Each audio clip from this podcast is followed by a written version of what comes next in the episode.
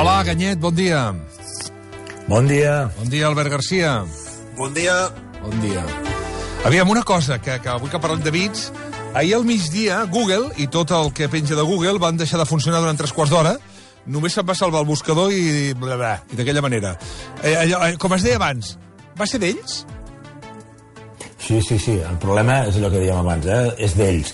Eh? El, que, el primer que heu de fer quan passin aquestes coses és, és anar a un web que es diu Down Detector, i aquí diu si Facebook ha caigut, si Twitter ha caigut, si Google, YouTube, i, i allà hi ha aquells mapes tan bonics de calor que es veu a quines zones del món està afectant. Ahir, quan anàvem a Down Detector i miràvem els serveis de Google, veiem doncs, una caca vermella sobre Europa i a les costes americanes i a Japó, i sí, és d'ells. Eh? Què va passar? Ostres, doncs, que YouTube no funcionava, eh, Google Drive, Gmail, eh, el Classroom, que fan servir avui tants eh, estudiants, especialment amb, amb, amb aquests dies de pandèmia, doncs, eh, però també aplicacions com Uber, Globo i Pokémon Go que fan servir els mapes de Google. Per tant, tot això va deixar de funcionar. O sigui, va, vaja, jo crec que és el que li faltava aquest 2020 ja, perquè va de ser uh, l'hecatombe, no?, després de, de, de la pandèmia. Uh, també va afectar el, a la internet de les coses, tots els Google Assistants o els Nests, aquests, uh, aquests reguladors de, de temperatura, aquests termòstats que tenim a les cases, també van deixar de funcionar perquè necessiten dels serveis de Google. Twitter no va caure i va anar molt bé perquè tothom va poder anar allà a descarregar i a fer broma sobre el que estava, que estava passant. Mm -hmm. uh, hem parlat de Google, per això el que ha posat de manifest, estimat Ganyet, és la Google dependència en què vivim tots plegats, no? Sí, sí, sí. Bueno, ara hi haurà gent que dirà, jo no, jo no he vist Google dependència. Eh, sí, a veure, tots, jo crec que tots ho han provat, o almenys els que eh, ens, ens som conscients de deixar Google, utilitzar altres eh, buscadors, el DuckDuckGo és un, és un eh, buscador que funciona molt bé i que respecte la privadesa i els usuaris, però eh, és molt difícil. Qui us digui que es pot viure al marge de Google, home, és un acte de fe, eh? és fer un acte de fe. Segurament ens estem autoenganyant. Jo he provat diverses vegades i sempre he tornat a Google. Per què? Doncs perquè eh, la posició que té Google ja és inabastable. Google indexa eh, de 500 a 600.000 milions de pàgines web. Yeah. Eh? Vol dir que sap el contingut de 500 a 600.000 milions de pàgines a tota la web vol dir que el nivell de resultats que ens pot donar és molt millor que qualsevol altre cercador. El que més s'hi apropa és el de, el de Microsoft, el Bing, que n'indexa de 100 a 200.000 milions. Fixeu-vos la gran distància que hi ha, gairebé tres vegades menys, eh? o tres vegades menys. Uh, esclar, com més gent fa servir Google, millor és el cercador de Google, més sap Google el que ens interessa, millors resultats ens donen i més difícil és sortir-se del, del cercador de Google. Jo diria que molta gent podria passar, passar del Gmail, del correu de Google, del, uh, del Drive, del servei al núvol de Google, uh, fins i tot de YouTube, podríem anar a penjar els nostres vídeos a Vimeo, però del cercador és gairebé impossible escapar-se'n. I d'aquí tota aquesta polèmica que hi ha ara mateix als Estats Units amb Google, Facebook, Amazon, aquestes empreses que tenen posicions dominants i que eh, la, la Comissió del Comerç eh, dels Estats Units els està eh, cridant a, a declarar i dient a veure si els apliquen la llei antitrust no? i les, les parteixen amb, amb, amb companyies més petites. Va. Eh, per cert, Finalment, saps què va passar? Imatge, es veu que avui, a, Sí? en fi, aquesta nit, per cert, eh, Benedito, Agustí Benedito està al Tu diràs de rac estem parlant d'allò dels impactes publicitaris, de com funcionen els impactes publicitaris. Eh, i que moltes vegades ara ens van per xarxes, però aquí hi ha alguns que tenen uns impactes visuals molt, molt bèsties. Al costat del Santiago Bernabéu, avui la, la, de la mateixa manera que ahir eh, un dels precandidats, l'Alà, Fernández Alà, va fer una mena de Covid free amb el, amb el Oriol Mitjà. Avui, Joan Laporta ha anunciat que faria un acte, sense ser present ell, al, al, a Santiago, a l'estadi Santiago Bernabéu, al costat de l'estadi Santiago Bernabéu. Doncs bé, ha penjat una imatge, de que, un cartell publicitari a tot un edifici de dalt a baix, de dalt a baix, eh, que és, és bestial la fotografia, la veureu perquè la veureu a tot arreu. Eh, però és que, és, és que va, va de, de dalt a baix, que es veu que es veu la cara de Joan Laporta el, eh, i posa ganes de volver a veros a Madrid, al, al costat del Bernabéu. Ganes de volver a veros. La foto de Laporta i a sota estimem el Barça, que és el lema de campanya de Joan Laporta. tot, tot, plegat una manera de fer, ara que la publicitat ens arriba telemàticament de tant en tant ha uns impactes visuals que no deixen de sorprendre. Precisament, un dels temes dels quals hem parlat aquests dies, al marge de la, de la publicitat, ha estat el tema dels vots. Clar, hi ha un tema que jo pensava, per què, si és, és una campanya de publicitat, que la, per la pròpia empresa, que no es fabriquin, és bo per la pròpia empresa, per PlayStation, que, que PlayStation 5 que no n'hi hagin, de PlayStation 5? És, és bo per ells dir que s'estan esgotant o està passant alguna cosa? I sembla que sí que està passant alguna cosa, que és que hi ha un mercat negre per culpa dels vots. Algú m'ho pot explicar, si us plau, això?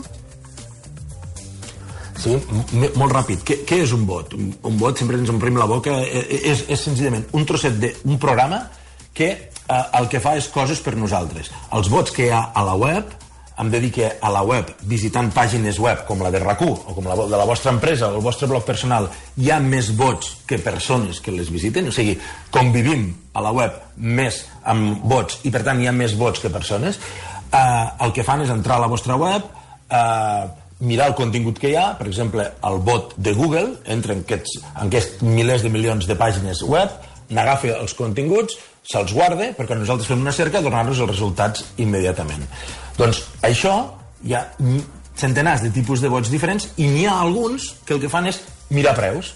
Miren quan un producte surt a la venda, quin preu té, si està d'oferta, i llavors compren molt ràpid, de manera automatitzada, com si fóssim nosaltres. Eh? Van clicant allà on s'ha de clicar, posen la targeta de crèdit i fan la compra. Eh? I això ha passat amb la PlayStation 5. Eh? L'Albert ho sap bé. Vale. Albert. Sí, totalment. És el que deia el Ganyet aquests bots eh, poden anar més ràpids que els éssers humans fent les compres. I, de fet, com explicàveu avui a, a, a les 8 del matí, eh, aquestes compres, com a tal, no són compres il·legals. De fet, són grups d'usuaris que s'uneixen a través de fòrums especialitzats en videojocs i diuen, escolta, doncs anem a comprar eh, no una, ni dos, ni tres, no, no, centenars i milers de consoles, que és el que ha passat en, eh, en alguns països, com el Regne Unit, que aquests dies doncs, eh, s'ha descobert que hi ha un grup d'especuladors que han comprat prop de 3.500 unitats de la PlayStation 5.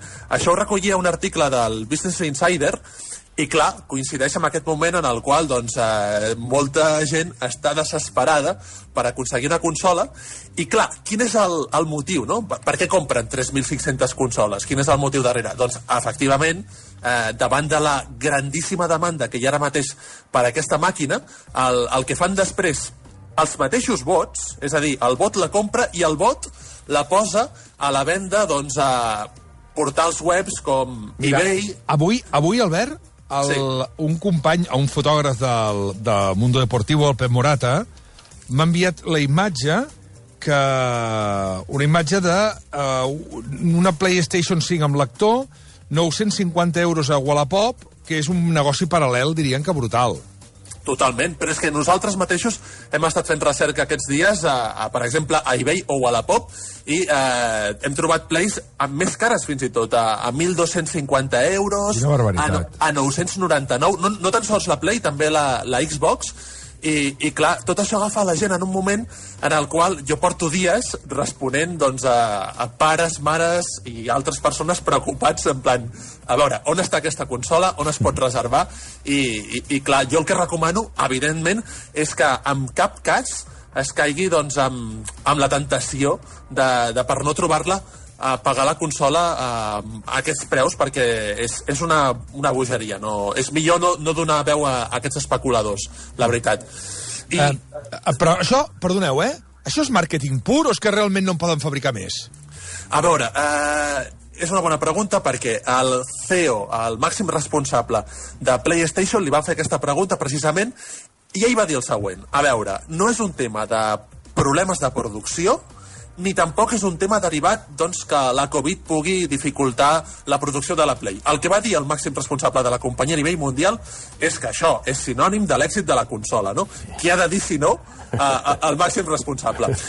Si, si ens fixem en el llançament de la Play 5, eh, mirem les dades de vendes, que les va publicar fa uns pocs dies, eh, dades concretes de vendes reals, eh, un especialista en distribució al mercat espanyol, que és en Rubén Mercado. Eh, ell té unes dades molt precises que a vegades les companyies no comparteixen. Les dades d'aquest especialista diuen que en el seu llançament eh, s'han venut a l'estat espanyol al voltant de 45.000 PlayStation 5. Això en el llançament. Això que ens diu? Que ens diu? Ha sigut un bon llançament de la Play 5? És tan bèstia com altres? Doncs podem dir que la Play 5 ha sigut el llançament de la marca PlayStation més potent en la història, en el que seria la consola sobre taula, però compte, compte, compte. Um, si comparem amb anteriors llançaments de consoles, per exemple, el de la PlayStation 2, que estem parlant de fa 20 anys, i jo el recordo perfectament, doncs més o menys es van vendre unes poques menys màquines, però no ha sigut el de la Play 5 un llançament que diguis ha sigut potent, però no és tan i tan i tan bèstia si el comparem amb anteriors mmm, posades a la venda de consoles. De fet, ara mateix, la consola més venuda no és la Play 5. No, no, no, no, no. És eh, la Nintendo Switch, que durant la darrera campanya de Black Friday eh, va vendre doncs, gairebé 50.000 unitats que, eh, per tant, no, a vegades la imatge és una mica distorsionada, no? És un bon llançament, però eh, tampoc és tan, tan, tan. Val. I, es... sí, sí. Val. Um, una pregunta que hi ha molta gent que es deu estar fent. Encara hi ha alguna opció de que a qui la vulgui pugui tenir una, una PlayStation 5 aquest Nadal? A veure, eh, és molt, molt, molt, molt, molt difícil. Les probabilitats d'èxit, com diria C3PO, eh, tenemos una probabilidad entre no sé quantos millones, seria més o menys això. Les probabilitats són molt baixes. Eh, de tota manera, a veure, a, aquests darrers dies hi ha informacions, jo estic seguint eh, fòrums eh, de gent que està molt boja per aconseguir-la, també grups de Discord. Discord és una aplicació de comunicació que utilitzen molt els gamers per, per jugar i per, per comunicar-se. Doncs hi ha grups de Discord on apareixen informacions. I segons sembla, aquesta setmana eh, obriran noves reserves en algunes botigues que tam, si algun nom, però també sap greu dir-la per fer publicitat aquí, però hi ha, hi ha botigues que, pel que sembla, obriran, obriran noves reserves aquesta setmana. Per tant, responent a la pregunta, jo penso que, de tota manera, encara que aquesta setmana algú aconseguís fer-se amb la consola, no la rebria per, uh, per les festes de Nadal, sinó que la rebria doncs, al gener o així. Us, us dono un exemple. Jo mateix, quan vaig aconseguir, vaig tenir la sort d'aconseguir la Play en el dia de llançament, però vaig estar a punt de no aconseguir-la. I això, això que vaig reservar-la un mes abans que sortís a la venda. Ah. Vinga, que anem molt tard i vol, i vol, i vol ploure. Escolta, sobre el tema dels vots, vols comentar alguna cosa més, eh, Ganyet?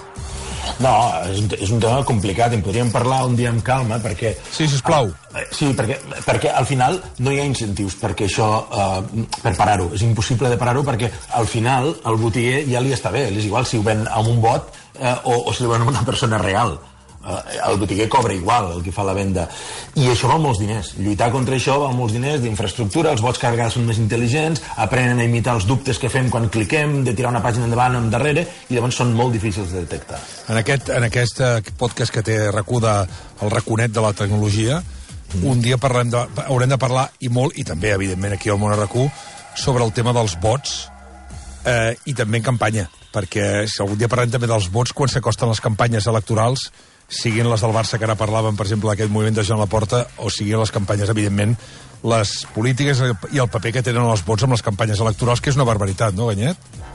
Sí, a tot això ho veiem a tots els àmbits de, de la vida. O sigui, al final, a, a la xarxa tots són iguals, a, a la web hi ha més vots que persones, i tenen certa influència, o tenen molta influència. Llavors, eh, és fàcil, qualsevol els pot comprar, qualsevol se'ls pot deixar, i qualsevol els pot posar a treballar, a comprar plays o a distribuir missatges polítics. Tenim 6 minuts, estimat meu. Fot-li que és de Reus. Jocs pels més petits i per jugar en família. Vinga, novetats. Primera. Comencem. Una novetat de fa 3 dies. Alba. Alba és un joc per ordinador i per, per ordinador PC i per Apple. Eh, és un joc en el qual eh, acompanyem una nena petita que visita els seus avis en un poblet del Mediterrani i hem d'ajudar a que una corporació no acabi amb la fauna d'aquest poblet tan maco. És un joc molt econòmic, costa 15 euros, i es diu Alba i és preciós. Un altre.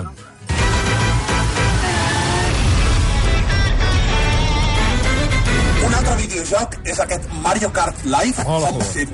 Mario Kart Live Home Circuit, però, ostres, Basté, quina ràbia no poder ser l'estudi per ensenyar-te'l. Oh, per què? no, no, no. Per què, per què, per què? Perquè aquest videojoc no és normal. És un joc que fu fusiona un cotxe teledirigit de tota la vida, un cotxe d'aquests de radiocontrol, amb videojoc. De manera que tens a la pantalla de la teva consola vas conduint per la teva casa. És una cosa molt, molt curiosa. Impressiona moltíssim. A veure si quan passi tot plegat te'l porto a l'estudi i fem una ullada a aquest Mario Kart Live Home Circuit. Un altre.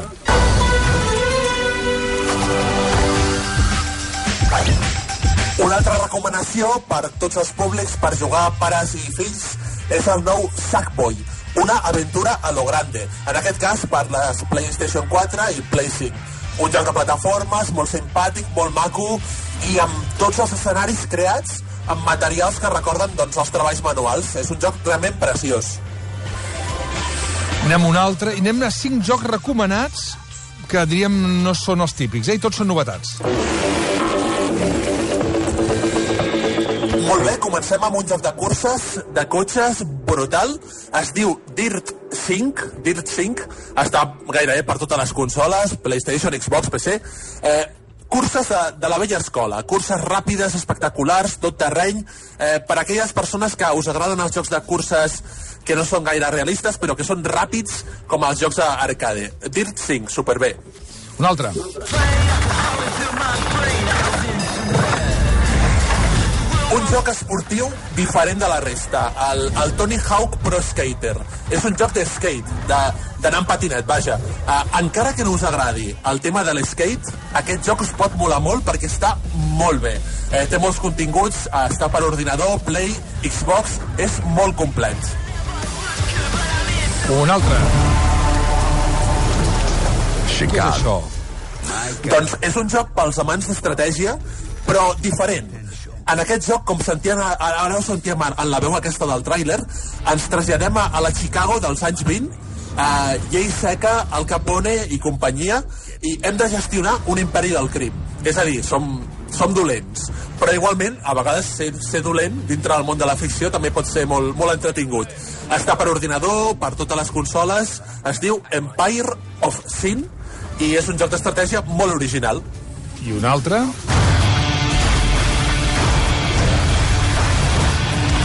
Doncs el següent és una obra mestra dels jocs independents, es diu Hades. Hades és un joc d'acció protagonitzat pels, pels déus de la mitologia grega. Aquest és el plantejament.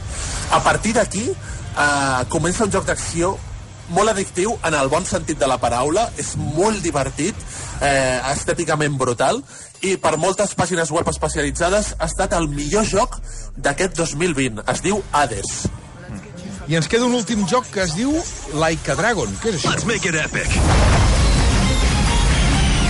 Doncs això, aquest Yakuza Like a Dragon, és el meu joc preferit de 2020 i no em puc estar de recomanar-lo. És una aventura eh, amb molt sentit de l'humor que ens transporta a la Yokohama actual, a la ciutat de Yokohama. És un joc molt japonès, però és que jo estic enamorat d'aquest videojoc. Una aventura per, per gent aficionada als videojocs que voleu sorprendre, eh, gairebé no ha venut res, podríem dir que és un joc de culte, així que segur que no, no el tindrà la persona a qui li regaleu, és molt probable que no el tingui, i es diu Yakuza Like a Dragon, el meu joc preferit del 2020. Molt bé. Doncs aquí queden les, les recomanacions de l'Albert Garcia. Una abraçada, Albert. A vosaltres... Que vagi bé. igualment. Ganyet, que vagi bé. Anem parlant, eh? Anem parlant.